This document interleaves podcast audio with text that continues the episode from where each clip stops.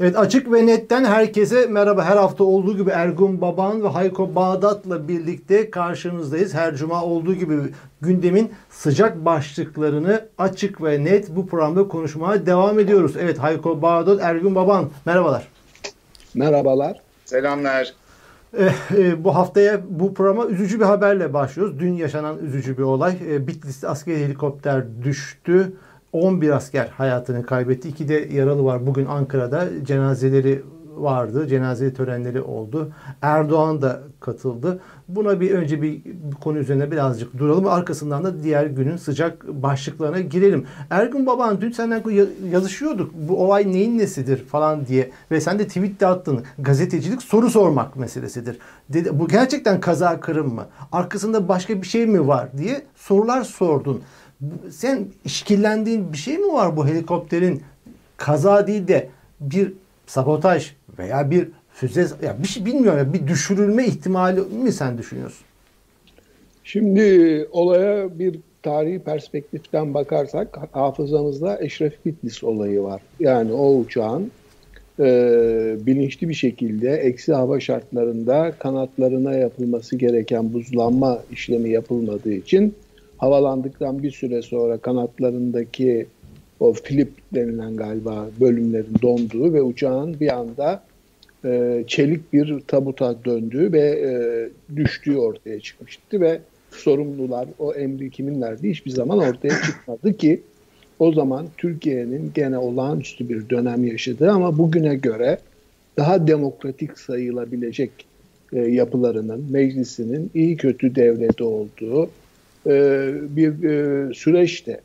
Şimdi bugün bir saray entrikaları dönemi var. Yani e, kimin ne olacağını, rütbesinin ne olacağı e, bir gara, garip entrikalar üzerinden işliyor. Hiç kimse yarınından emin değil. Osmanlı dönemi gibi bir gün paşa, ertesi gün mal varlığına el konulup kellesi giden e, bir eşkıyaya dönüşebiliyorsun. Çok garip bir yapı. Beni işkillendiren yani helikopter düştü, e, can kaybı olduğu çok e, açık bir şekilde netleşti. E, bütün kanallar aynı anda yani daha bölgeden bir tek kara, fotoğraf gelmemişken, olay yerinin görüntüleri yokken bir takım e, idüğü belirsiz uzmanları çıkarttılar ekranlara ve hepsi aynı şekilde sanki e, İletişim Dairesi Başkanlığı tarafından yazılmış bir metni dile getirdi. İşte e, pilot e, indirmeye uğraşmış, yaralıların olması e, helikopterin çok ağır bir hasar almadığını gösteriyor falan gibi.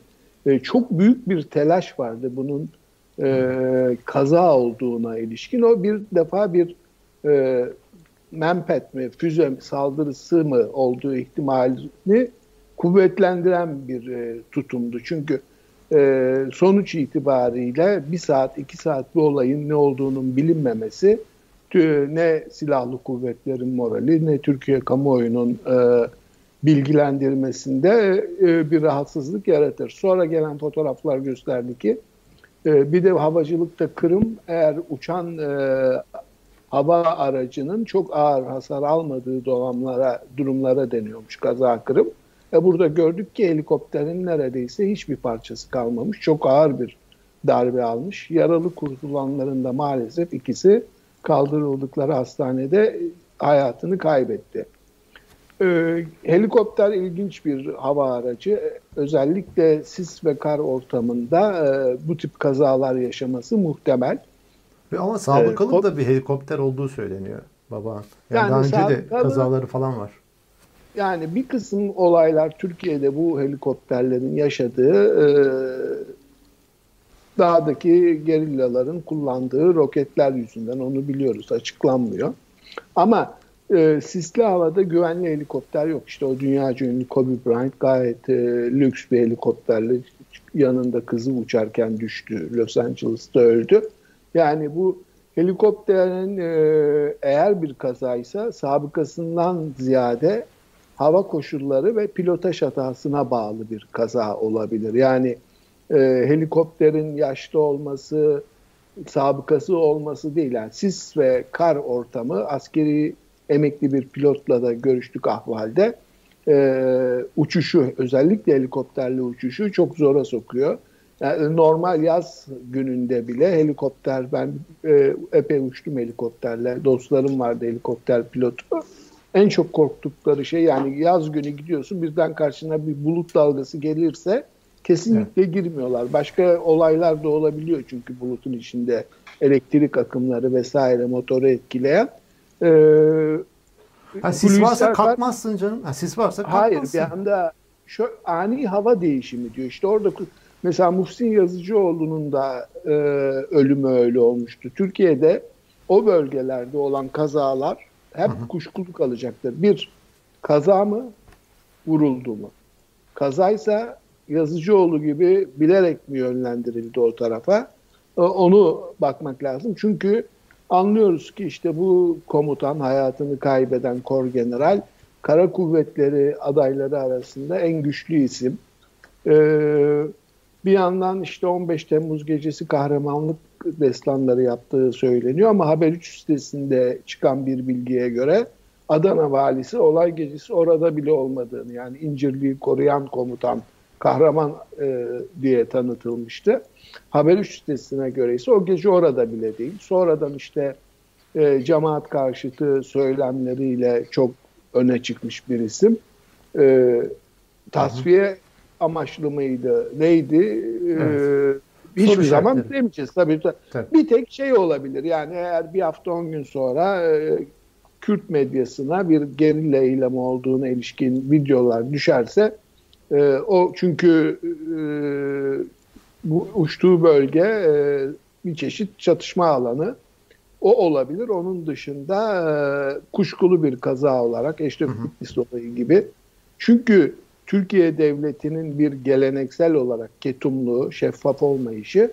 İki, bugün e, saray içinde yaşanan entrikalar, kavgalar, Amerika-Rusya mücadelesinin evet. içeriye çok sert bir şekilde yansımasının bir sonucu da olabilir. Onları hep evet e, akılda tutmamız gerekiyor. Evet, sen yılların tecrübesiyle kocaman bir soru işareti var diyorsun. Peki Hayko senin bu konuya katkın ilaven var mı? Ee, tabii ki yani benim Ergun abi gibi helikopteri olan arkadaşlarım yok. O yüzden çok o kadar detaylı bilmiyorum. Ee, ama şakası bir yana e, acılı ailelere başsağlığı dilerim. Zor bir durum. Cenazeler daha bugün kalktı ve yeterince... Ben yeni uyandım. Ha, bugün bugün bugün. Yani şimdi Türkiye Devleti biraz önce e, polis özel harekat polislerine askerler e, binaya ateş ediyordu 15 Temmuz'da.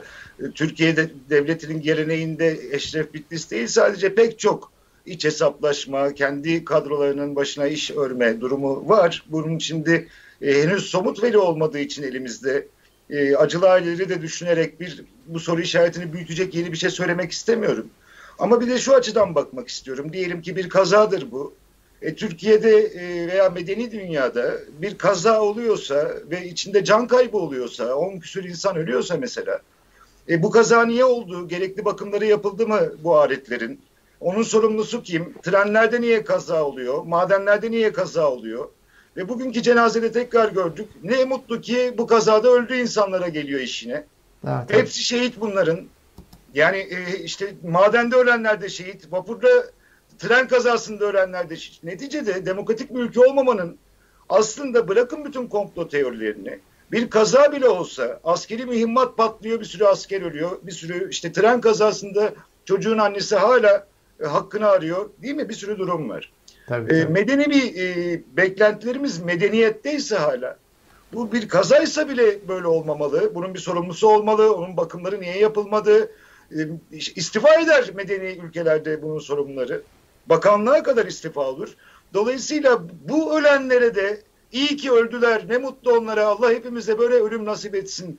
Ne varan söylemde de bir sıkıntı görüyorum ben. Hayır kimse böyle ölmesin yani. Hiç kimse böyle ölmesin, kazalarda ölmesin e, helikopterlerde, e, savaşlarda, e, sınır ötesinde, sınır içinde hiç kimse ölmesin. E. Gazetecilik olarak da, insani olarak da e, bütün söylediklerinizi artıp bu perspektifi de unutmamamız gerektiğini düşünüyorum. Evet çok önemli bir noktaya parmak basın. Evet hep kazalar olur. Arkasından da dediğin gibi e, meşhur nutuklar atılır. Ee, ama bunun sorumlusu kimdirin hesabı sorulmaz. İktidar ya Soma'dakiler zaman... de şehit oldu. Yani Soma'daki tabii, 301 tabii, madenciyi gömdüler para için. Tekmelediler insanları. Sonra işte ülkesi için madenci ölürse şehit olur diye geçip tabii. gidiyoruz. Hayır, e, insanların hakkı var. E, e, yani yakınına ne olduğunu bilme hakkı var. Evet. Bunun sorumluluklarına hesap sorma hakkı var. Medeni dünyada böyle olmalı. Biz de medeni bir ülke olmalıyız. Yani e, cenazelerde siyasi şov yapan siyasetçiler değil, mahcup, utanan, hatta istifaya varan bir e, yönetim şeklinden niye vazgeçtik ki? Vazgeçmedik yani. Evet. Bu işte kaza bana bunları da hatırlatıyor. Tabii riskli bir şeydir ama Kobe Bryant örneği verdiği gibi Ergun Baban orada mahkeme yapıldı. E, suçlu şey bulundu.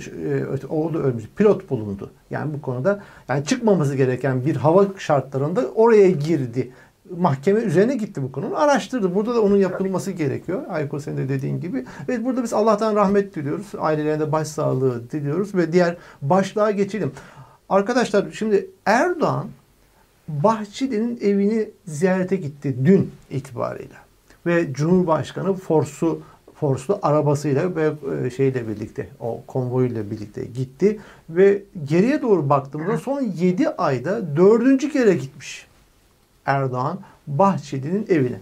Şimdi tam da gündem açısından baktığımızda yani bir şeyler konuşuluyor orada. Neler konuşulduğunu net tabi bilgi olarak elimizde yok ama neler konuşabildiklerini tahmin edebiliriz. Tahmin yürütebiliriz. Burada acaba Ergun Baban neler konuşulduğu kapsamında şu anda HDP'ye ne yapacağız? konusunda bir fikir ayrılığı ben gözlemliyorum AKP ile MHP arasında. MHP bar bar bağırıyor derhal kapatılsın diyor. AKP bu konuda o kadar şey değil daha geri duruyor. Sence bu konu gündeme gelmiş midir? Şimdi birincisi Erdoğan'ın e, ne kadar kendini güvenen, kendinden söz ederken şahsım yani Tanrı katında özel bir şahıs, Tanrı'nın yeryüzündeki gölgesi gibi bir e, ifadeyle bahsediyor kendinde. İşte şahsımı aradı, şahsım böyle yaptı, ben yaptım beni aradılar demiyor hiçbir şekilde. Komik bir tavrı var. İngiltere, yani, Fransa ve şahsım toplantısı. Ça, evet yani gayri ciddi e, ruh sağlığı hakkında ipuçları verebilecek bir e, söylem bu. Ama dönüp baktığımızda Bahçeli'nin ayağına gidiyor. Tabii. Yani Bahçeli'yi saraya davet etmiyor. Bahçeli saraya gitmiyor. Erdoğan Bahçeli'nin ayağına gidiyor sürekli. Bu e, Erdoğan'ın açısından elinin bir defa zayıf olduğunu gösteriyor kafadan Bahçeli karşısında. Sadece HDP'nin kapatılması değil, Amerika'ya yönelik tavrın ne olacağı konusunda da çok büyük sıkıntılar var. İşte Hulusi Akar çıktı, olması mümkün olmayan bir e, teklifte bulundu. E, ve S-400 modelini uygulayabiliriz, e, şey S-300 Girit modelini uygulayabiliriz dedi. O mümkün değil çünkü zaten Ruslar da buna izin vermez. E, S-300 modeli tamamen NATO, Amerika denetiminde incelenen, e, kullanılan bir e, tatbikatlarda sistem. Yani Türkiye onu alacak, NATO denetimine verecek. Rusya da buna evet diyecek. Mümkün değil. E, ve e, bir hafta geçtikten sonra aradan İbrahim Kalın böyle bir projenin gündemlerinde olmadığını açıkladı. Milli Savunma Bakanı yani Erdoğan'dan sonra Süleyman Soylu ile birlikte kabinenin en güçlü ismini yalanladı. Açıkça boşa düşürdü. Ardından da Savunma Sanayi Başkanı çıktı dedi ki F-35 bizim için olmazsa olmaz bir proje değil. Çok önem vermiyoruz. Yani orada da Bahçeli'nin anti-Amerikan tavrı belirleyici. Belli ki Bahçeli, Hulusi Akar'ın S-400 yaklaşımından ya da Bahçeli ve arkasındaki klik kimse onlar e, hoşnutsuz.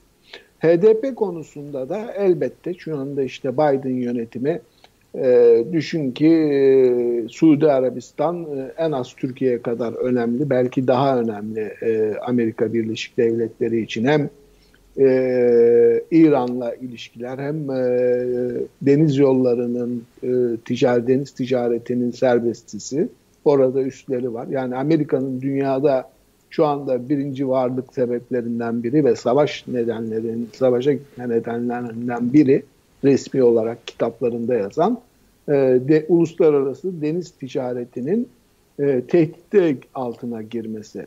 Suudi Arabistan o açıdan e, çok önemli bir e, üst e, Amerikan yönetimi için. Buna rağmen Prens ve büyük bir ekibi hakkında yaptırım kararı aldı. Evet Prens onun dışında tuttu ama e, adamın uluslararası itibarı, ilişkileri konusunda hatta seyahat özgürlüğü konusunda çok ciddi sıkıntı yaratacak bir açıklamaydı o raporun e, kamuoyuyla paylaşılması. Çünkü dünyada artık hukuk e, farklı şekilde işliyor. Bakın zaten Almanya'da doğrudan bir suç duyurusunda bulunuldu.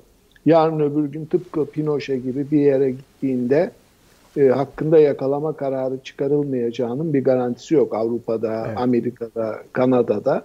E, o yüzden çok dikkatli davranmak zorunda kalacak. Uzun yıllar bu lekeyle yaşayacak. Şimdi bak 15 dakika önce Dışişleri Bakanı Blinken eski bir Ukraynalı kamu görevlisi hakkında yaptırım kararı açıklamış yolsuzluktan dolayı. Yani Amerika Birleşik Devletleri'nin demokrasi, insan hakları konusuna sert girdiği bir dönem. Uzun tuttum girişi. Yani Suudi Arabistan, Ukrayna, Belarus'ta yaptı, Myanmar'da yaptı. Myanmar'a muhtemelen Birleşmiş Milletler'den Çin engeline takılmazsa büyük bir yaptırım çıkaracaklar. Ee, şimdi bu şartlarda Erdoğan başına gelmekte olanı görüyor.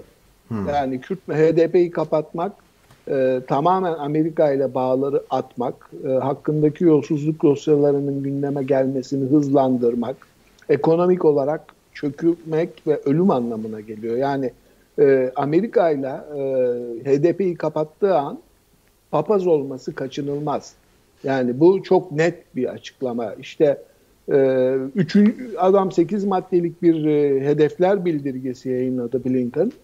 E, yeni dönem açısından. Birinci koronayla mücadele, iki koronanın yol açtığı ekonomik krizle mücadele uluslararası anlamda dayan. Üçüncüsü demokrasiyi güçlendirmek, zenginleştirmek ve insan hakları. Zaten Türkiye gözlem altında. Bir de HDP'yi kapat. İki, HDP'yi kapatmak MHP'ye oy olarak yarayabilir. AKP'nin bölgede kalan diğer oylarını koparacağı gibi e, Kürt oylarını ortadan kaldırmaz. HDP'nin olmadığı bir ortamda Kürt oyları CHP'ye, DEVA'ya bir anlaşmayla çünkü Kürt seçmen Türkiye'nin en organize, en bilinçli, en başarılı seçmeni.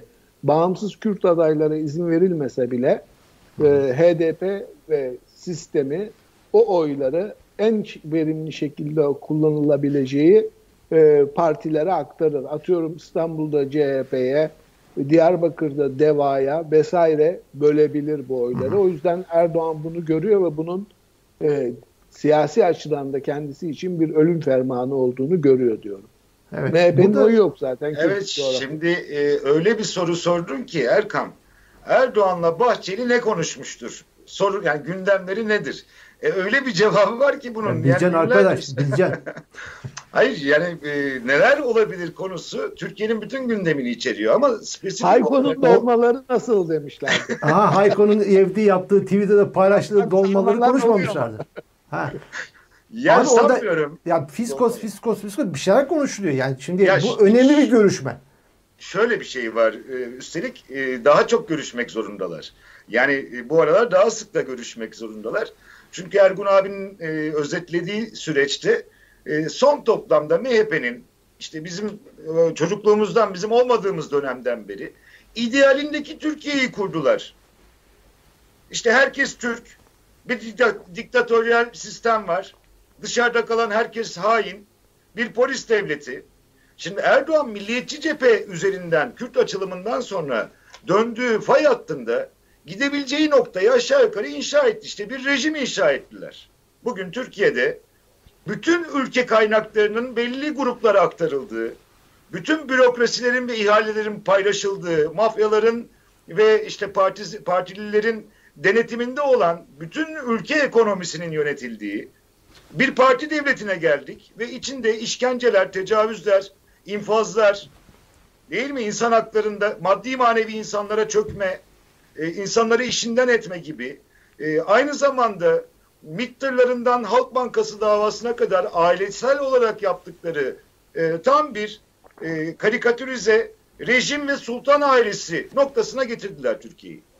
Bugünkü dünya böylesi bir Türkiye ile kurduğu ilişkilerde kartları bir daha dağıtıyor. Biraz sonra konuşacağız. Amerika'dan, Avrupa Birliği'nden, Berlin'den, dünyanın pek çok noktasından Türkiye'ye bir daha bakalım sizinle ilişkimizi yerine kadar getirdi. Şimdi MHP ile yani Sayın Bahçeli ile Sayın Erdoğan'ın konuşacak neleri var biliyor musun sen? Ne kadar çok e, zor durumdalar var. biliyor musun? Yani işte ayrışma bir... konuları var şu anda e, Ayko. Yani bir Amerika'nın bastırdığı daha demokratikleşme şeyi var. Bu, tam bu süreçte HDP'yi kapatma Şimdi Cahit Özkan'ı hatırlatırım. AKP Grup Başkan Vekili. Önce kapatacağız dedi.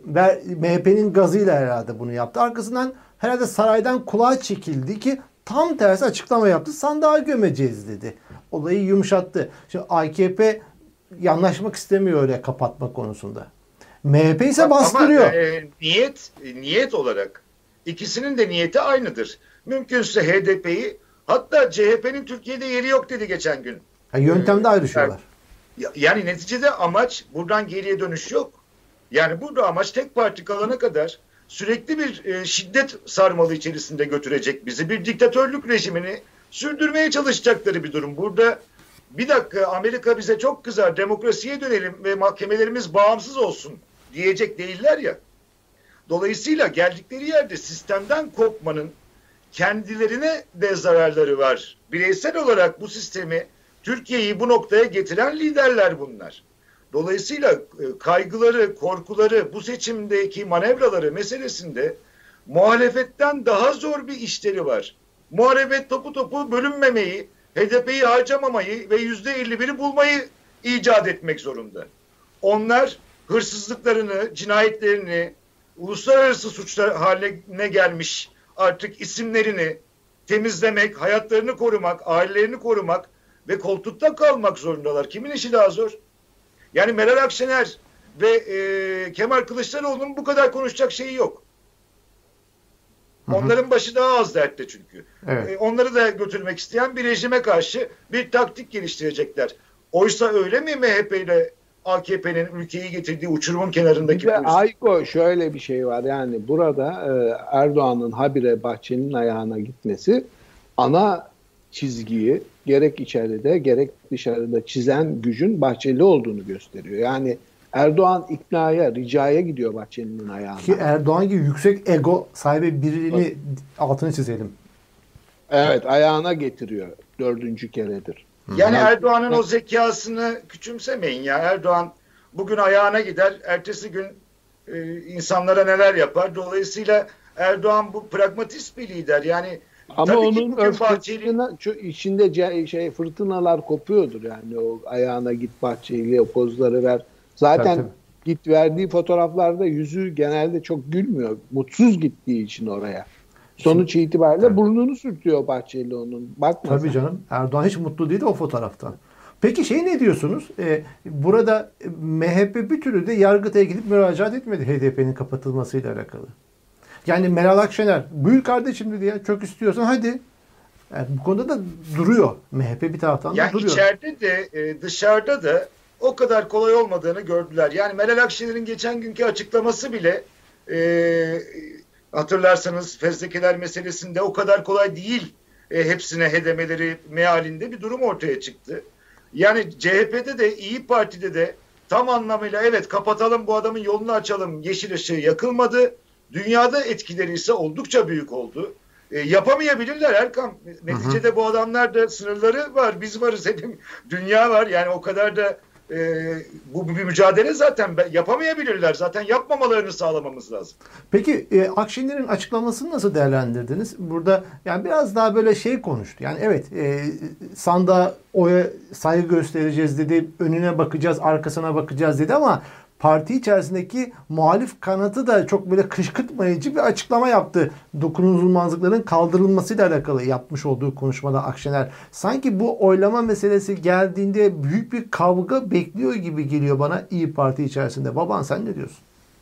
E, hedeflerden biri o. E, şimdi ama yani e, MHP İstanbul İl Başkanlığı fosforlu Meral TG altında iğrenç ya bir kampanya bir şey başladı. Ya. Yani ne ayıp bir şey e, ya. Aynı gelenekten gelmiş e, bir siyasi hareketin kendi içinden çıkmış bir kadın siyasetçiye bunu yapması e, düşman tamamen düşman gördüğü, Türk görmediği insanlara, kadınlara, çocuklara neler yapabileceğini bir hayal etmek. Babam bir düşmanca ama bir de ahlaksızca. Yani Ahlak şimdi işte beğenmediğin kişiyi bel altı kadın ya işte kadınsı bir ifade şeyle yani işte, ne di- diyorlar Fos, E, fosforlu meral. başka- Bel altı vuruyor. Bel Evet. altı vuruyor. Ya Evet. Pervin Buldan'a da yapıldı bu hafta terbiyesizlik. Daha önce e, Kılıçdaroğlu'nun Demirtaş'ın eşlerine de yapıldı. Buradaki politik olarak e, siyasetçi bile olmayan insanlara yani bu lümpenlik de bir yöntem olarak kullanılıyor. Bakmayın bu kadar Müslümanız biz ahlak filan dediklerine. Bunu bilinçli bir şekilde uyguluyorlar yani. Bir propaganda aracı olarak bunu yani ayıptan fazlası ama- suç bu yani. Bak bugün hangi anket şirketiydi dikkat edemedim ama bugün yayınlanan bir ankette en iyi muhalefeti hangi lider yapıyor? Meral Akşener bir numarayı şu anda almış durumda.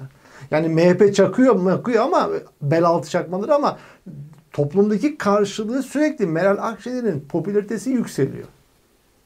Ya bir de bir Bahçeli'nin sindiremediği, hazmedemediği konu kendisi yüzde altılarda, HDP yüzde on üzerinde. Yani Ne kahırdır bu ya. Bahçeli için Yani- ne kahırdır biliyor musun?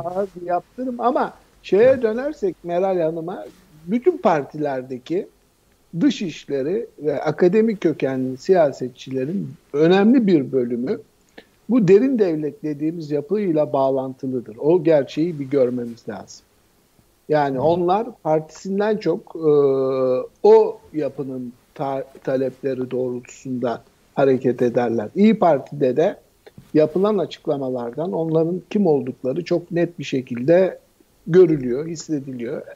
Evet orada bir e, sıkıntı çıkabilir ama e, gerçek olan şu e, İyi Parti'nin oyuna ihtiyaç yok bu dokunulmazlıklar konusunda. O Elbette. Meral Akşener'in elini rahatlatan bir unsur. Yani eğer HDP'lilerin dokunulmazlıklarının kalkması gerekseydi ve İyi Parti'nin oyu elzem olsaydı muhtemelen Meral Hanım bu açıklamayı yapmazdı. Şu anda e, eli rahat. E, o konuda muht- %50'nin üstünde bir ihtimalle de ço- dosyaların çoğuna bir ikisini seçip evet verebilirler ama çoğuna hayır oyu vermeleri ihtimal dahilinde. E, sonuç itibariyle onların da ait oldukları bir ittifak var ve e, şey kozunu vermek istemez Erdoğan'a.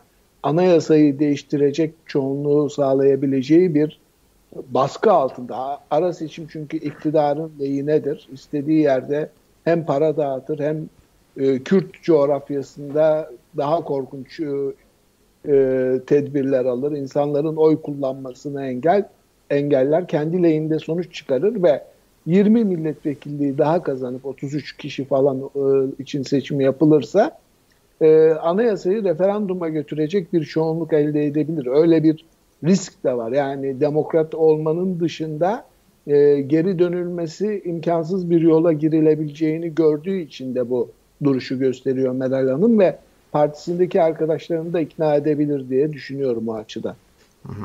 Hayko buna ilaven var mı yoksa yeni bir Var var başlangıç? şu da var yani e, taban olarak İyi Parti, HDP, CHP bunların arasındaki çizgiler, durumlar bunların hepsini biliyoruz. Fakat çok net bir şekilde bugün Erdoğan muhalefetin önümüzdeki seçimlerde onları geçme ihtimali olduğu için büyük bir tuzakla bu işi yapıyor.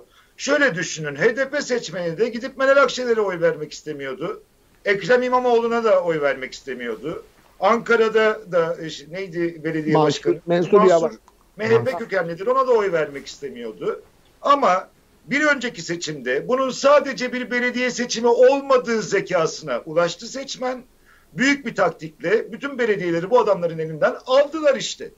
Şimdi aynı şekilde bunun bir HDP'yi kapatmakla e, sadece HDP'yi kapatmakla ilgisi olmadığını, anayasal değişiklik imkanı sağlanacağını, otoriterliğin ve tek partiye gidişin Kemal Bey'i ve CHP'yi başta olmak üzere de tehdit edeceğini gören muhalefet, aynı Kürtlerin zamanında HDP seçmeninin yaptığı gibi akılcı davranarak rejime bu imkanı vermeyecek gibi gözüküyor. Çünkü biraz önce bir CHP Grup Başkan Vekili, e, CHP sözcüsü e, Erdoğan'a sen Libya'dan vazgeçersen e, öylesin işte Ege'den vaz biz CHP olarak senden daha fazla diyordu ya.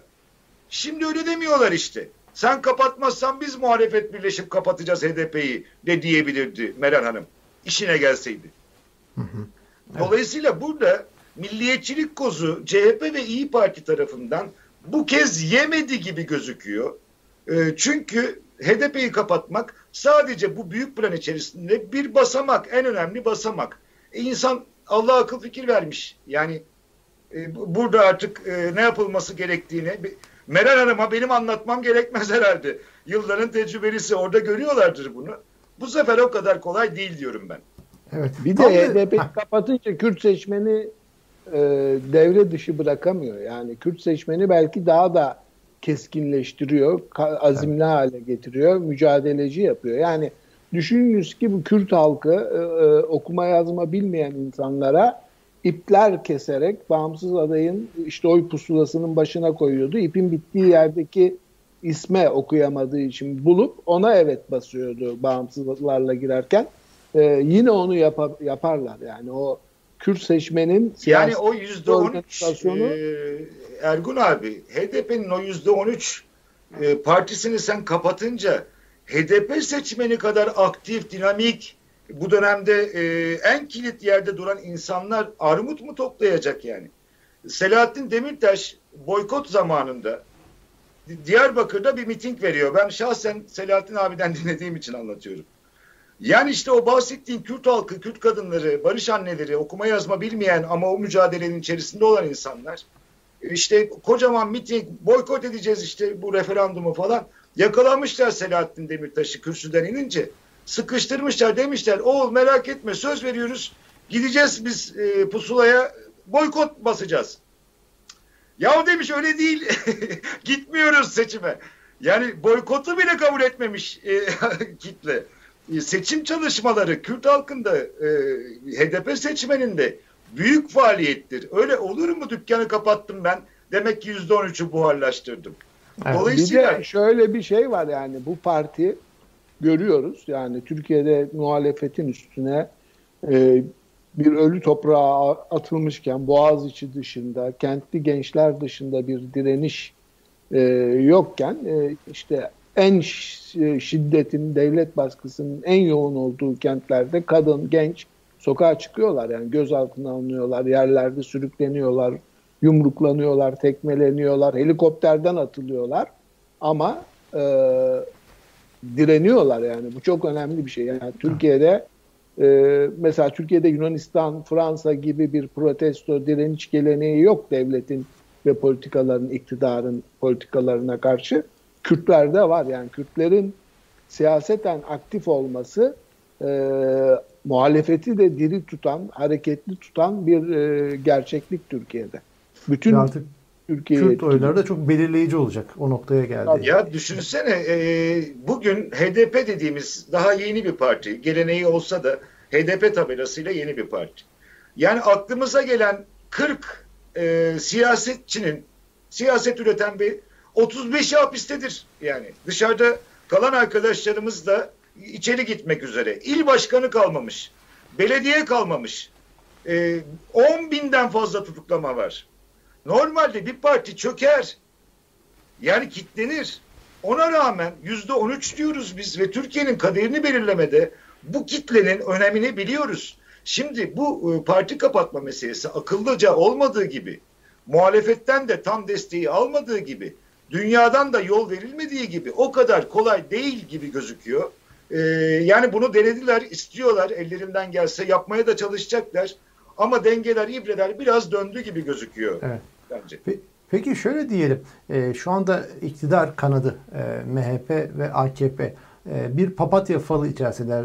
HDP'yi kapatalım mı kapatmayalım mı kapa ne yapalım ne edelim tarzında ama bir taraftan da Erdoğan bu hafta en çok konuşulan en sıcak konularından bir, bir tanesi de insan hakları e, eylem planı açıkladı. Yani kimse heyecanlanmadı. Belki bir kişi heyecanlandı. Metin Feyzoğlu heyecanlandı. O da uzaya gideriz dedi bu Uzay şeyde falan. projesi bedavaya geliyor çünkü. yıldızlara ulaşıyoruz. Para Çünkü kasada o iş için sadece 5 milyon dolar varmış. Yetmez. Ha, bir hallettik onu. Ya nasıl ya. nasıl oluyor bu? Yani Feyzioğlu dediğin adam üç gün önce Erdoğan salonu terk etti o konuşurken. Birbirlerine gittiler hatırlasanıza yani. E Bahçeli ya. neler söyledi ya. Vergileri yani şimdi Numan Kurtulmuş gerçekten... hakeza öyle, Süleyman Soylu ya, hakeza öyle. Ama inanıyor mu mesela gerçekten aklı başında bir insan bugün Türkiye'de binlerce insan işkence altındayken, kaçırmalar varken, bütün aydınlar cezaevindeyken, sürgündeyken ha yani e, bu rejimin getirdiği hal buyken başka bir parti de yoktu. 19 yıl içerisinde. Çıkıp bunları söyleyince Türkiye'nin uzaya gideceğine inanıyor mu bu adam gerçekten? Çünkü bu Hayır, bir karikatür yani. Bakan olacağına Çünkü inanıyor Yani muhtemelen. Rothschild gibi bir aile vardır dünyada. Hani Türkler habire söyler. Bir şey olunca onu Rothschild'ler yaptı, bunu yaptı. Türkiye'de Feyzioğlu bir derin devlet geleneğinden gelen ailedir. Baba, e, dedesinden itibaren başlamış bir süreçtir. E, çok iyi bir hukuki donanımı olmasına rağmen özü, esası e, derin devletçidir, devletçidir. Ergun ee, abi ya, hangi konuyu konuşsak derin devlete bağlıyorsun. Herkes derin de, İyi Parti de öyleydi az önce. E, CHP'de de var. İşte e, Yunanistan'la savaş, Libya ile savaş, orada savaş, burada savaş diyen adam da e, sivil siyaset adına konuşmuyordu. Yani Kemal Kılıçdaroğlu'nun Avrupa Birliği'ne mektup yazdığı günün ertesi günü yazıyor. Yani liderini boşa çıkarmak için yazıyor. Tıpkı e, Hulusi Akar'ı boşa çıkarttıkları gibi. Yani burada şu anda kavga Avrasyacılarla Atlantikçiler arasında. Görünende sanki bir şey dışında yani rejimin çok kavgası var. Eskiden sen hatırlamazsın işte Mao döneminde e, ana çelişki, yan çelişki gazeteci. Sen, baban sen Sultan Mecit döneminde de gazeteciydin değil mi? O dönemde de sen. o Hasan abi. Hasan Cemalo. Ben ona yetişemedim. Ee, yani bak o kadar çok kavgası var ki Avrasya NATO kavgası var. Bir de işte Kürtler meselesi var. Yani Kürtler belirliyor. Hepsinde bir Türk ve bunların yüzde sekseni e, Türkiye'nin bölünme riski olduğuna işten de inanıyor. Onu da kabul etmek Hı. lazım. Peki şimdi yani dünya plan yapıyor Türkiye'yi bölecek diye bölecek diye. Şimdi bu e, insan hakları eylem planı ile alakalı Alman Dışişleri Bakanı açıklama yaptı. Benim bizim için dedi ölçü ahim kararları uygulanıyor mu uygulanmıyor mu? Buna bakarız dedi. Yani. Biz buna yani IMF'nin de e, uygulanıp kararların uygulanıp uygulanmadığına bakarız derken ama Erdoğan da heyecanlı heyecanlı bunu anlattı e, bu hafta ve e, havuz yazarları ve havuz medyası da çok böyle evet büyük bir coşkuyla bunları verdiler. E, Görevleri buradaki, o. Parayı onun için alıyorlar. E, para onun için alıyor. Peki buradaki Erdoğan böyle bir şeyi neden gerek gördü? Meselesi. E, mecbur yani bunu Erkam Biden. Yani şu, Biden. mecbur Biden yani mı? Böyle, Biden. Yani akşam yattı da iyi rüya gördü de sabah halkıma biraz demokrasi ve yani çok komik Erdoğan'ın zaten böyle açıklamalar yapması. Mesela Türkiye için düşün. Boş ver yandaş medyayı. Çok komik değil mi? Çıkıp polis sizi işte öyle yapmayacak. Bundan sonra böyle yani yalan üstelik. Şimdi bak e, mecbur kaldı. Üstelik bu mecburiyet uluslararası alandaki sıkışmışlığı hem Avrupa Birliği hem Almanya hem Amerika aynı anda hep konuştuğumuz gibi iki programdır e, ilişkisinin statüsünü ciddi anlamda belirleme kararı verdiği bir dönemde sembolik olarak Erdoğan adım da atabilir. Mesela birkaç arkadaşımızı bırakabilir. O kadar yani. Daha önce Deniz Yücel'i kurtardığımız gibi tırnak içinde yani demokrasi e, mücadelesi verenlersek biz Deniz Yücel'in nasıl çıktıysa işte arada başka e, rahip e, Brunson nasıl çıktıysa e, bu süreçte de belki birkaç arkadaşımızı e, alabiliriz e, zindanlardan kadar çok önemli ama büyük toplum için hiçbir şey ifade etmeyen bir metin. E, şimdi Salak mı e, Avrupa, Amerika bu kadar? Avrupa onu yapma kabiliyeti de yok artık. Yani sıkıntı o. Yani Hı. Selahattin Demirtaş, Ahmet Altan, Osman Kavala gibi Batı kamuoyunda artık yer etmiş, mesele haline gelmiş isimleri e, özgürleştirme kararını verme yetisi tek başına yok. Onun için Bahçeli'nin ayağına gidiyor. O bilmiyor mu bizim kadar üç tane ismi bıraksa zaten beş yıl yatmışlar e, öfkesini almış, 6 yıl yatan var. E, yarın bırakır. Ama Ergun abi isim o, isim konuşuyor olabilirler Bahçeli ile bak. Yani isim isim Rica konuşuyor olabilirler yani. yani. Ama yani ikna edemiyor işte. Sonuç itibariyle e, Bahçeli altından tuğlayı çektiği an Erdoğan'ın bütün duvarı yıkılır. Yani Erdoğan'ın paniği o. O Bahçeli hem e, oy desteği hem bürokrasi desteği olmazsa e, çok tehlikeli sularda bulabilir kendisini. Yani Bahçeli olmasa rahat dediğin gibi o sembolik isimleri derhal bırakır Erdoğan. Bırakır yani Osman Bak, Kavala Osman Kavala'dan ne istesin yani tamam Gezi'den öfkesi vardı 3 yıldır tutuyor şey yapıyor ee, yarın bırakır Demirtaş 5 yıldır yattı tamam seni başkan yaptırmayacağız sözünden dolayı bir kimi var ama yani Erdoğan yarın gidip e, Biden'la barışacağını bilse ilişkiler normale e, Demirtaş'ı cezaevinde ziyaret edip öpüp kendi eliyle çıkarır. Kardeşime haksızlık yapıldı diye açıklama bile yapar. Yani öyle bir e, tavrı olmaz. Ama Bahçeli'yi ikna etmesi gerekiyor. Biz HDP konusunda bu isimler yani bu isimleri serbest bırakırsa da bir yere varmayacak. Yani Amerikan yönetimi aptal mı? Koskoca e, elçiliği var. Bak bugün 45. güne yaklaşıyoruz. Telefon gelmedi. Bir uçak dolusu, helikopter dolusu askerini kaybetti. Pentagon e, Savunma Bakanı hala Akar'ı aramadı. Yani ilişkiler kopmuş, donmuş. Tamiri üç tane ismi bırakarak olmaz. Yani e, bu mümkün değil. E, bir tane plan açıklayacaksın, iki yıla yayacaksın. İstediğine bir haftada yaptığın düzenlemeleri iki yılda yapacağım diyeceksin. Onlar da evet, aa, bunlar demokratikleşiyor diyecek. Kimse yemez bunları. Ee, en büyük darbe, en büyük darbe Eylül-Ekim aylarında düzenlenmesi gereken zirveye çağrılmayacak olması. Hangi zirve yani bir NATO, demokrasi zirvesi Biden'ın e, Dışişleri Bakanlığı'na verdiği görev.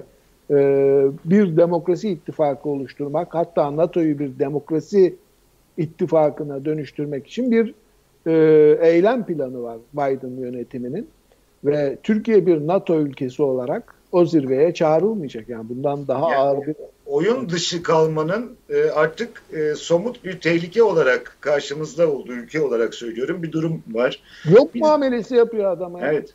Bak evet. bir de şöyle yapalım. Yani az önce helikopter kazasında konuştuğumuz gibi böyle kamerayı biraz uzaklaştırıp uzaktan bakalım.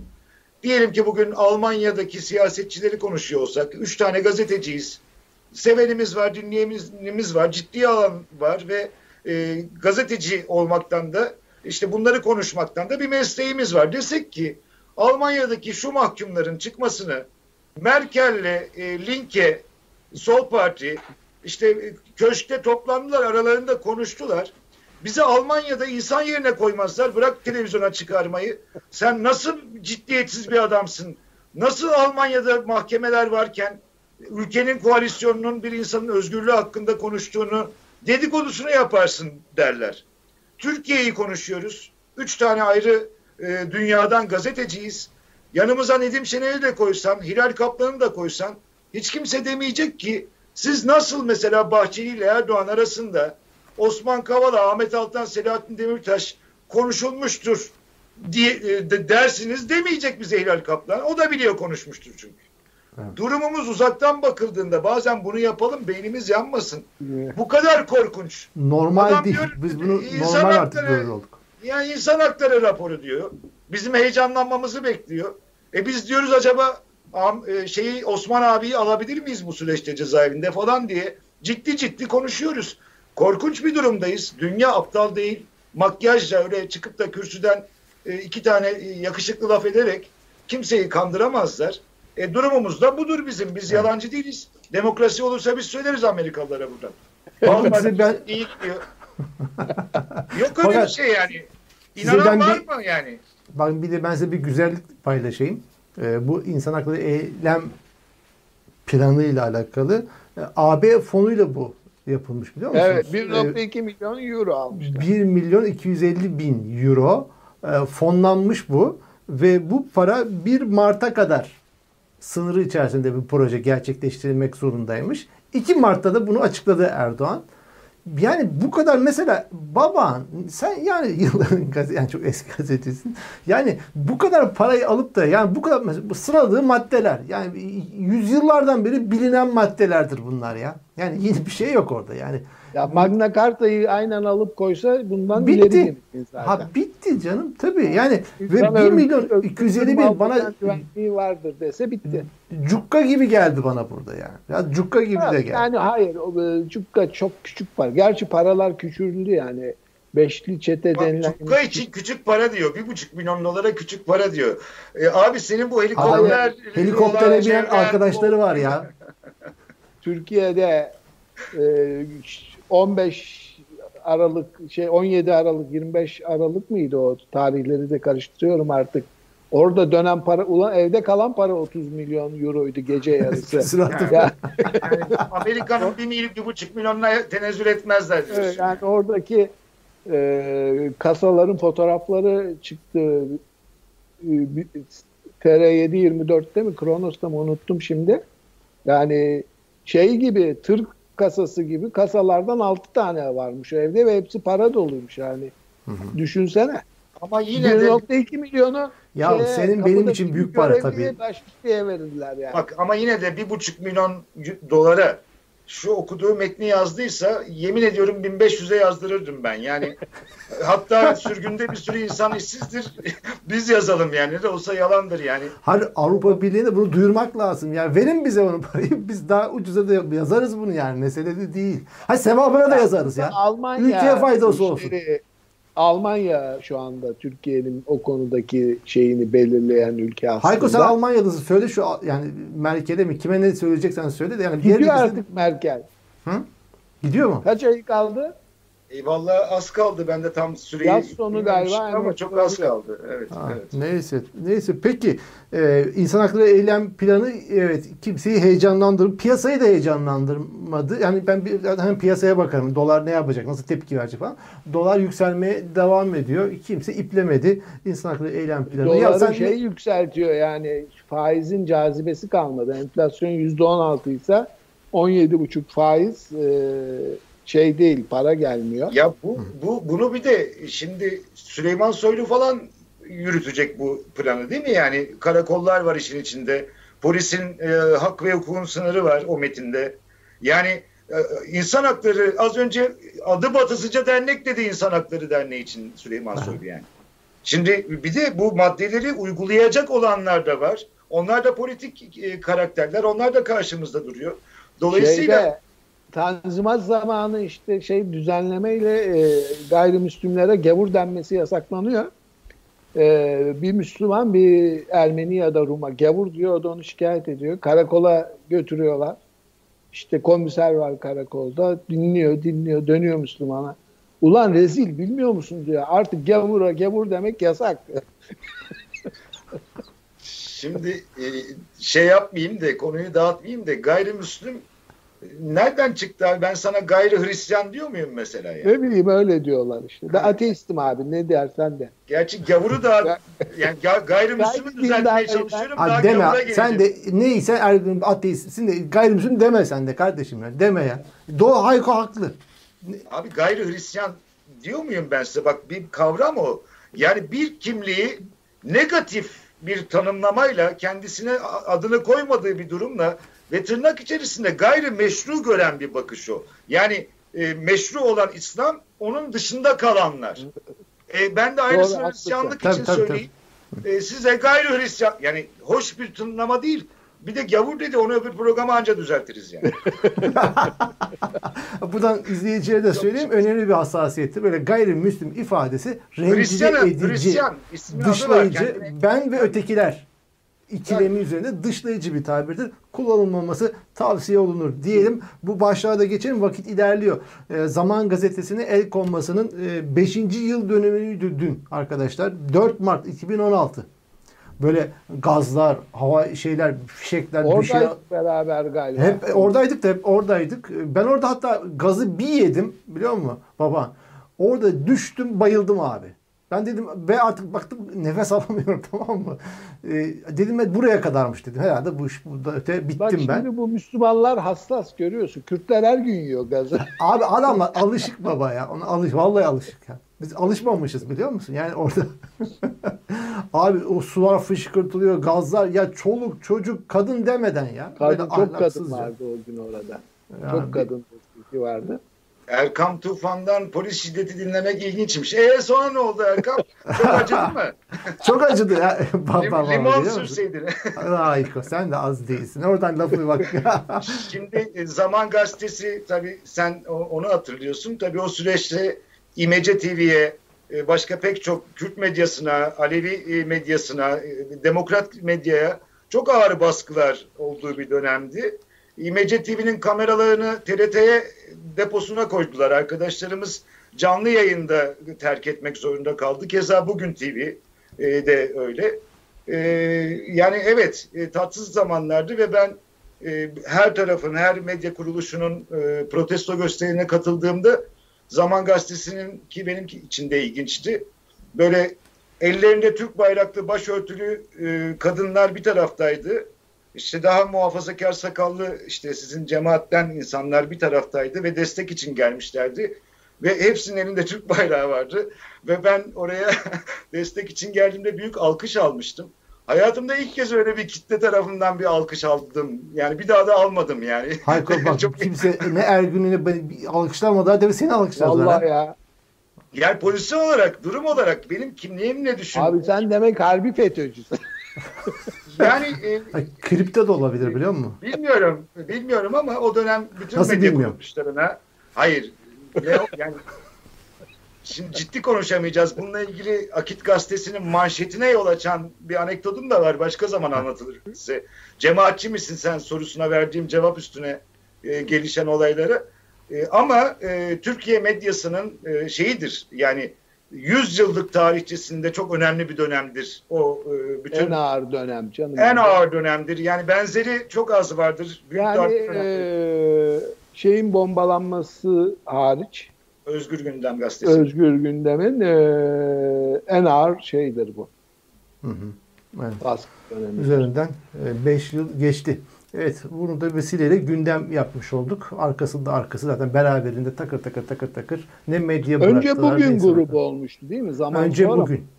Galiba önce bugünü bastılar yayınlarını. Şimdi cemaat e, yayın organlarıyla başladılar. Yine toplum bugün Kürtlere olduğu gibi düşün. Yani bir e, en e, kriminal kesime yapıyoruz biz bunu diye başladılar. Arkadan ne kadar televizyon varsa, e, ne kadar gazete, dergi e, varsa, dernek, kuruluş varsa, sen solcu teşkilatlara, sendikal yapılara, e, olduğu gibi çok geniş bir yelpazede medyanın büyük bir kısmına darbe vurdular. Biraz sonra kalanı da devşirdiler işte e, filan. Yani bugünlere gelmemizin e, havaya at, atılan kurşunuydu o saldırılar.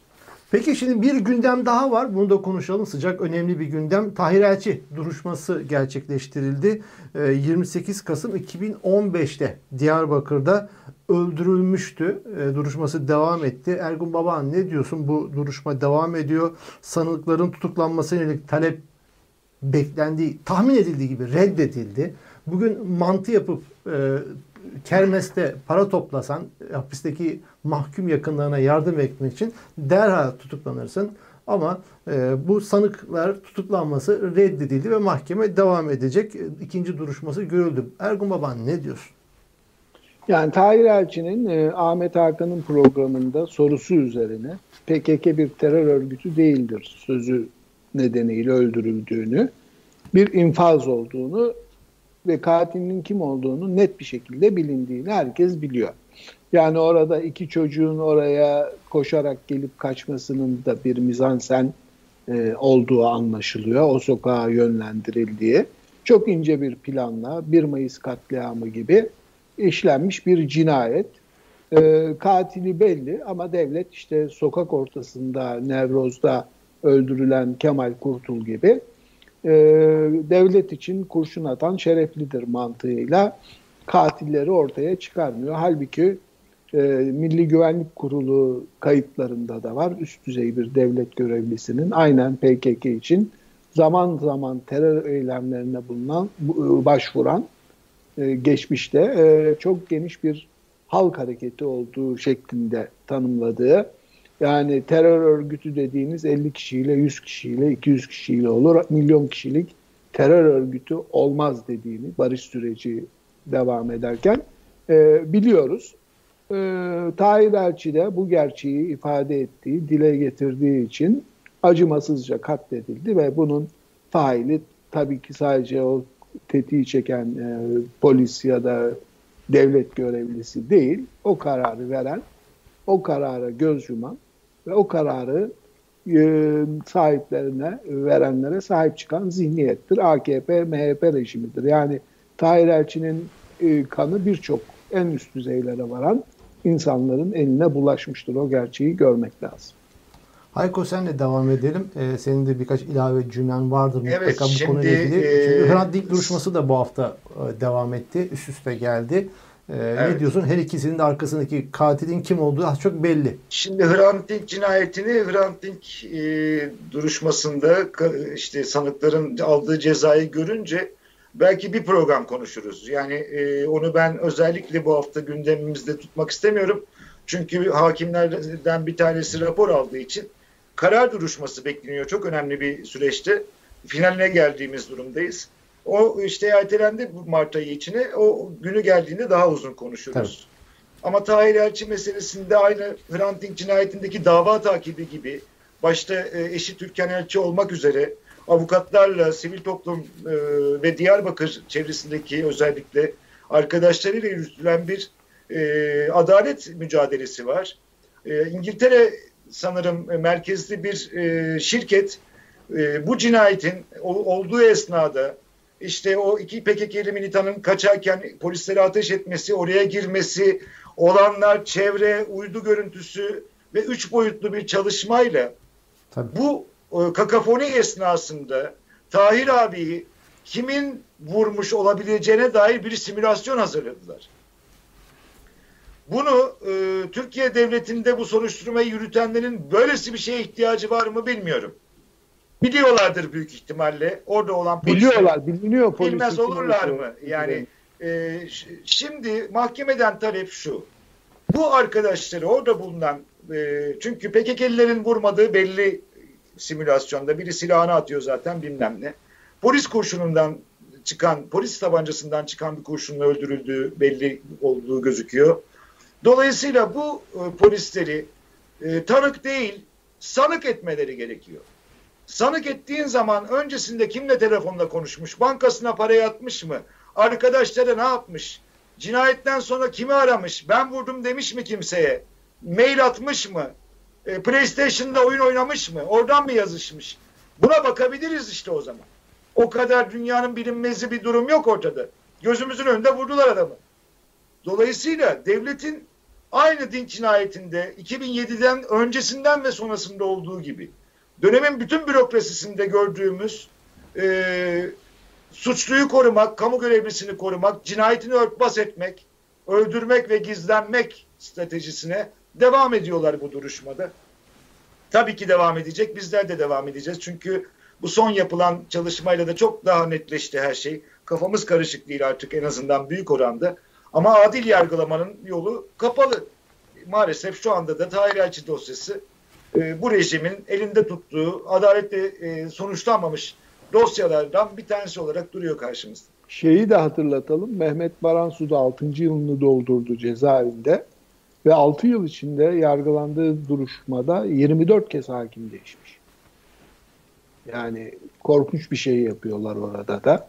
Benzer bir tavır. Ee, süründürüp e, cezalandırıyorlar. Yani Baran suyu da anmak lazım orada. Evet. Türkiye'de seçici bir e, şey var kimi kesimlerde. Mehmet Baransu, Ayşegül Parıdak, e, şu anda aklıma gelmeyen bir sürü e, gazeteci arkadaş, Hidayet Karaca e, o zindanlarda çürüyorlar. Onu da hatırlatalım. Evet. Peki programımızın e, son bölümüne gireceğiz. Şimdi biz geçen hafta programımızı böyle blok yaptık. E, siyasi analizler üzerinden yaptık. Ama biz geçen hafta programdan sonra oturduk konuştuk. Dedik ki programımızın son 5 veya 10 dakikasında biraz siyasi mizah yapalım. E, yapalım istedik. Buna da haftanın geyikleri olarak belirleyelim. Mizah unsuru diyebileceğim. Türkiye'de pek çok şey belki izah olmayan şey mizahı yapılıyor diyebiliriz. E, insanı gördüğünde yok be kardeşim, yuh be kardeşim gibi tepkiler insana verdirecek pek çok olaylar gerçekleşiyor. Burası Türkiye. Hani Ali Desidero var ya yapmış adam Hansa bilmem neye göre yok öyle diyor. Burası Türkiye. Burası Türkiye Hayko. Yani Almanya'ya benzemez. Burası Türkiye mantığı. Şimdi Türkiye'de doğal gibi görünen ama aslında komik. Trajikomik hatta. Olaylar yaşanabiliyor. Örnekler üzerinden gidelim bu son bölümde. Ee, Ergun Baban senden başlayalım mı? Tabii benim en çok e, hoşuma giden iki tane olay var. Biri Ahmet Hakan'ın AKP kongrelerindeki o kalabalık ve Covid önlemi alınmaması ilişkine yazdığı bir yazı ve sanki her İngiltere'deki bir parti yapıyormuşçasına bahsetmesi olaydan yani AKP diyememesi.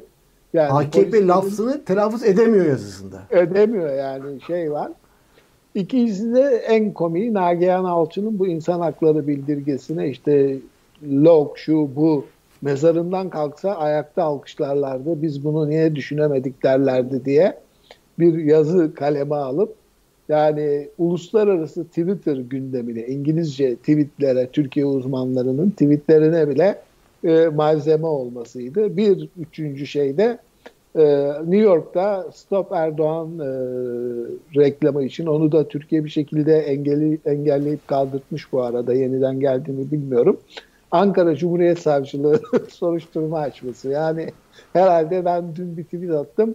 Ya tekrar gündeme gelirse New York Belediye Başkanı, valisi hakkında da yakalama kararı çıkarır Ankara Cumhuriyet Savcılığı bu ilana izin verildiği ya Stop Erdoğan'ın ne kadar gerçekçi olduğunu kendileri ispatlıyor bu tür bir girişimle ya. Ta adam Amerika'ya uzanıyor elçilik ve konsoloslukla oradaki reklam ajansına baskı yapıyorlar. Yeğeninin başında olduğu güçlü bir dernek varmış ASK diye. TASC Halil Mutlu galiba yeğeni. Herhalde şirketle başka bir büyük anlaşma yapıp e, o reklamı yani sonuçta özel bir firma o. Siyasi baskıya kolay boyun eğecek biri değil hele New York'ta. O e, ilanı veren kurum atıyorum 5 milyon dolar verdiyse 50 milyon dolarlık bu kuru piyasada e, Times Square'ın boş olduğu bir dönemde ikna etmiş olabilirler. Hı hı. O yüzden 1.2 milyon euroya küçük para dedi. Peki e, senin e, Hayko var mı geyiklerin? E, Erkamcığım her şeyden önce bir mizahçı olarak yani stand-up yapan bir insan olarak bunlara geyik demiyoruz ve bunları bedava yapmıyoruz. Yani meslek olarak yapıyoruz. Onu baştan söyleyeyim yani. Twitter daha önce olur bedava yani burada ha. şakalara ha. şey ama şunu merak ettim. Şimdi bu Amerika'daki e, şeyi reklamı veren kim bilmiyorum ben. Ergun abi biraz daha. Cemaate bir kurum. Ne yapmış mesela ne düşündü o? Şimdi kaç para harcadı bu işe? Oraya stoper yani mesela onun açısından bu reklamı veren açısından şimdi Türk devletinin oraya, Amerikan belediye başkanını tutuklamak istemesi çok komik zaten. Bunu yapıyorlar arada. Yani e, fakat o başka bir durum. Şimdi orada bir nasıl oluyor bu işler? Bir şirket var. Times Meydanı'nı gidenler biliyordur. Kocaman bir alan orası. Çok da ucuz değil. Buna kaç para vermişler mesela yani? Oraya onu yazmış. E, korona şartlarında düşüktür. Ee, yani korona o meydandaki turist ya kaç para ne önemli Hayko ya. Buradaki mesele Hayır. Para Merak ki... ediyorum. Hayır. Şimdi... Kaç gün olduğuna bağlı 2-3 milyon dolar verilmiştir. Peki abi sen Times meydanındaki reklam panolarının metrekaresine göre fiyatını nereden biliyor olabilirsin? Ergun abi. ben sana tahminde bulunuyorum. Yani şu anda o piyasanın ölü olduğu e, New York'un da daha durgun olduğu bir dönem. Çok insan... Yani 3 milyon dolar mı vermişler? 3-4 milyon doları aşmaz. Peki Süresi. kaç ne kadar süre orada Stop Erdoğan yazdı? Bir hafta herhalde kalacaktı. Üçüncü günde kaldırıldı. E, biraz bana e, yani eylemler değil mi? Mesela rejimleri afişe eden zekice eylemler, işte gezi kafasıyla yapılmış o kadar şey, 1 Mayıs'ta otelden işte aşağı sarkıtılan pankart falan gibi e, yaratıcı, kitleleri biraz daha kazanan eylem tipleri sıcak gelir. Ama Times Meydanı'na birkaç milyon dolar ya da birkaç yüz bin dolar verip üç günlüğüne Stop Erdoğan yazmanın da ya e, parlak bir fikir olmadığını düşünüyorum. Ya Onu daha söyleyeyim. orijinal parlak fikrin varsa söyle burada Hayko ya. Ama bir Yani de ama şuradan üç bak doları, milleti o 3 milyon hoplattı. doları bak kaç para bilmiyorum. 2 milyon dolar, 3 milyon dolar, 200 bin dolar, 20 bin dolar. Yok Bu sürgünde o kadar insan var ki Erkam. Yani o kadar insana para lazım ki sürünüyor kamplarda, sokaklarda falan. Oraya Stop Erdoğan yazmanın bir karşılığı yok demek istiyorum. Politik Yok, olarak zekice değil diyorum. var. Yani şimdi Amerika-Türkiye ilişkilerinin e, bu kadar hassas olduğu ve Türkiye'nin milyonlarca dolarlar harcayıp lobi şirketleri üstünden pek geyik olmadı bu tekrar ciddileştik ama faaliyete geçtiği bir dönemde e, New York gibi bir şehirde ve e, progresiflerin en etkili olduğu bir bölgede e, bu ilanın anlamı var. Yani canı yandığı için zaten Erdoğan devreye girip onun anlam ve önemini fark ettiği için e, müdahale ediyor. Daha büyük paralar harcayarak o reklamı Yani kaldırtıyor. aklı selim Siyasi- bunu yapmaz. Çılgınca bir şeydir. Savcılık nasıl harekete geçiyor ya? Ya o Yani- saçma o Aziz E, Nesinlik zaten. Hollanda'da Fena canı geçti, Milletvekiline de geçti. Bak o Aziz Nesinlik ama mesela e, şimdi liberal bakış böyle olabilir. Soldan bakalım. Almanya'nın en büyük e, binalarında Gezi dönemindeki vahşetin, polis şiddetinin fotoğrafları bütün şehri donattı bir dönem burada. Bugün Rojava'da olanlar Kürtlerin bu meseleyi gündeme getirmesiyle bütün dünyada New York'ta, Londra'da her yerde Rojava ve e, YPJ militanlarının DAEŞ'e karşı direnişi bir anlam ifade etti. Yani veririm bir milyon dolar yazarım oraya Stop Erdoğan. Biraz lümpen bir hareket onu diyorum. O paraya daha iyi kullansınlar. Çok zor durumda insan var. Yani bu o reklam panosuna seni seviyorum aşkım da yazabiliriz. O kadar da lobi de yaratmıyor. Yani hak edilmiş e, billboardlara çıkış e, insan hakları mücadelesinde daha faydalı. Bu biraz böyle şey Nusret'in et kesmesi gibi geldi bana yani. Neyse sen de yani bu da farklı bir bakış. Bunu da tabii kendince bir dediğin gibi mantıksal bir altyapısı var. Fakat bence doğru bir şey. Benim barometrem e, Erdoğan ve Saray'ın hoplama katsayısıyla alakalı. Çok ciddi E verin hopladı. parasını o zaman haftada bir hoplatın öyle oluyorsa Allah Allah yani ne para varmış yani öyle öyle oluyorsa bu iş e, bir tane de Berlin'e yani mücadelenin biraz daha tabandan gelen ve hak edilmiş ve yerini bulmuş tarafını daha şık buluyorum. E, istiyorsan birkaç billboardda ben Berlin'de bakayım size yani illa bir şey yazacaksınız yani. Evet. Peki Hayko var mı haftanın geyiklerinden bize seçtiklerin? Yok ben e, bu haftanın programı bu haftaki programın eğlenceli geçtiğini düşünüyorum zaten. Yeterince Ee, yani Ergun abinin dediği gözle ben de haftaya bakayım çünkü benim için de en büyük malzeme böyle isim verip polemik yaratmak değil ama e, işte bir şekilde e, aklı başında olan yandaşların e, AKP rejiminin yanında durabilmek için düştükleri pozisyonla yazmak ve yazmamak arasında kaldıkları durumlarla verdikleri beyanlarla o, o halleriyle eğlenmek anamızın ak sütü gibi helal bize.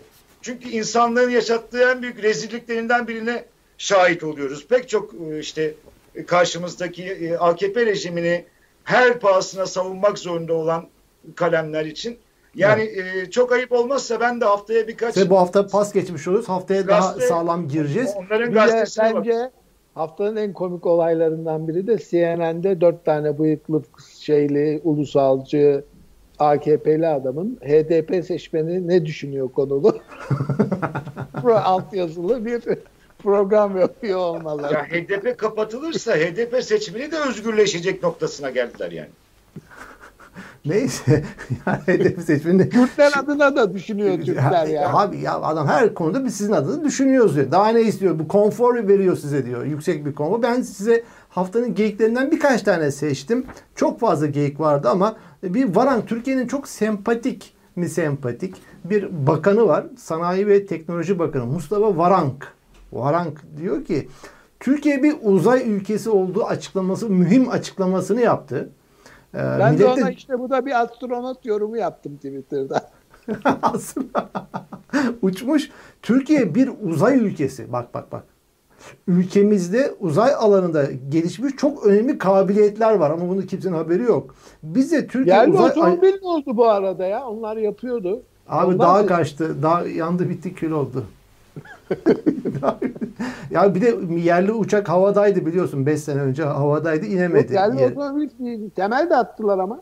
Te- atarlar abi sağlam temel atıyorlar ama geçen de ba- baban sen dedin ya şimdi yayında Kürtler ne düşünüyor diye on, kendi aralarında top çeviriyorlar. Ya geçen sosyal medyada gördüm çünkü a, haber mi izliyorsun diyecek Hayko biliyorum oradan hemen üzerime bir taciz yapacak ama izlemedim. Şimdi orada m, Türkiye NASA'ya roket motoru satabilir mi? Bunu uzun uzun konuşmuşlar ya. Biliyor musunuz? Ne konuşsunlar abi? Enflasyon yüzde on altı buçuk çıktı. İşsizlik rekor kırıyor. Covid'in yeni varyasyonu kentleri kırıp geçiriyor. Çok insan ölüyor. Konuşacak halleri yok. Ya Türkiye NASA'ya füze şey roket Peki motoru şöyle oluyor mu mesela? Diyelim Varank komik de bir adam o şekil şemal olarak. Şeyden hatırlıyorum o Top belgenin gibi. arkasından Yıldıray Oğur'la beraber bakıyorlardı falan. Ha, ha, Daha bir çok fotoğraf var. var. Şimdi mesela şöyle mi oluyor? Gerçekten Devlet Bahçeli ile e, Tayyip Erdoğan işte evde bir araya geldiklerinde işte masada uzay projesi mi var mesela?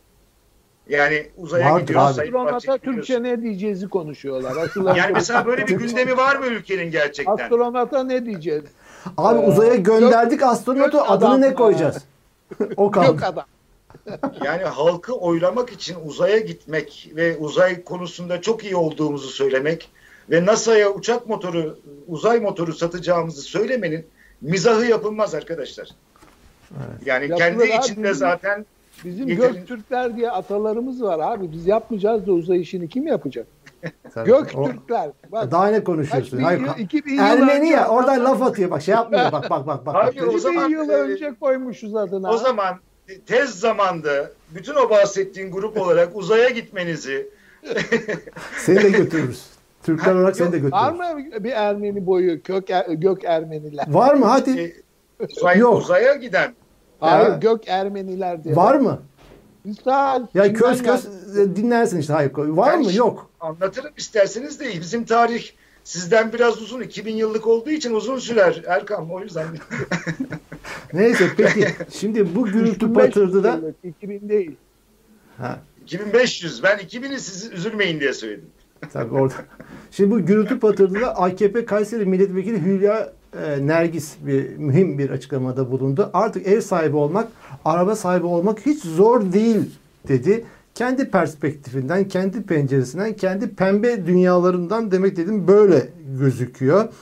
Ondan sonra insan hakları eylem planıyla alakalı bir Twitter kullanıcısı, bir yolcu adlı bir Twitter kullanıcısı. Şimdi Erdoğan açıklama yapıyor insan hakları eylem planı ile ilgili. Şöyle bir tweet atmış. Recep'i dinlemeyin. Daha Tayyip konuşacak. En son Erdoğan ne derse o olacak demiş. Konuyu harika özetlemiş. Bir de bugün gördüm İlahiyat Profesörü Hitit Üniversitesi Mimarlık Fakültesine dekan olmuş. Nasıl? İyi değil mi? Hitit E, döneminin ilahiyat fizikçiyi Sosyal Bilimler Fakültesi dekanı yaptılar.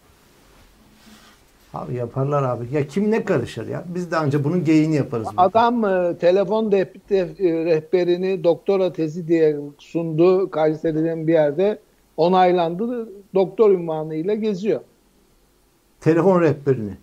Telefon rehberini. Yuh bu kadar mı? A'la başlayan mı isimler çok, C ile başlayan isimler mi çok Türkçe'de diye doktora çalışması diye tez diye aldılar adamı. Ha, mü- mühim bir konu abi. O da mühim bir konu. O da mühim bir konu. Peki bende de bu kadar diyelim e, haftanın geyikleri ama haftaya haftanın geyiklerinde gene e, dolu dolu bir haftanın geyikleri sunacağız. E, Türkiye şartlarında geyik o kadar bol ki. Neyse programımızın sonuna geldik. Hayko Bu Bağdat- Göktürkler önemli ama onlara sahip çıkalım. Gök- Hayko bu da sana kulağına küpe olsun. Bir Ermeni olarak ben kulağına küpe olsun. heyecanla. Mekke'nin kalkmasını bekliyorum. Seni de koyacağız o peykin içine. Yani şart değil. Yani her zaman yaptığınızı yapıp dışarıda bırakabilirsiniz. Bu kez Ya kızmayız. dert Neydi Ermenileri gönderme. Öksüz Acun öldü mü bilmem ne diye bir şey vardı. Peki o zaman haftaya tekrar görüşmek dileğiyle. Görüşmek üzere. Eyvallah.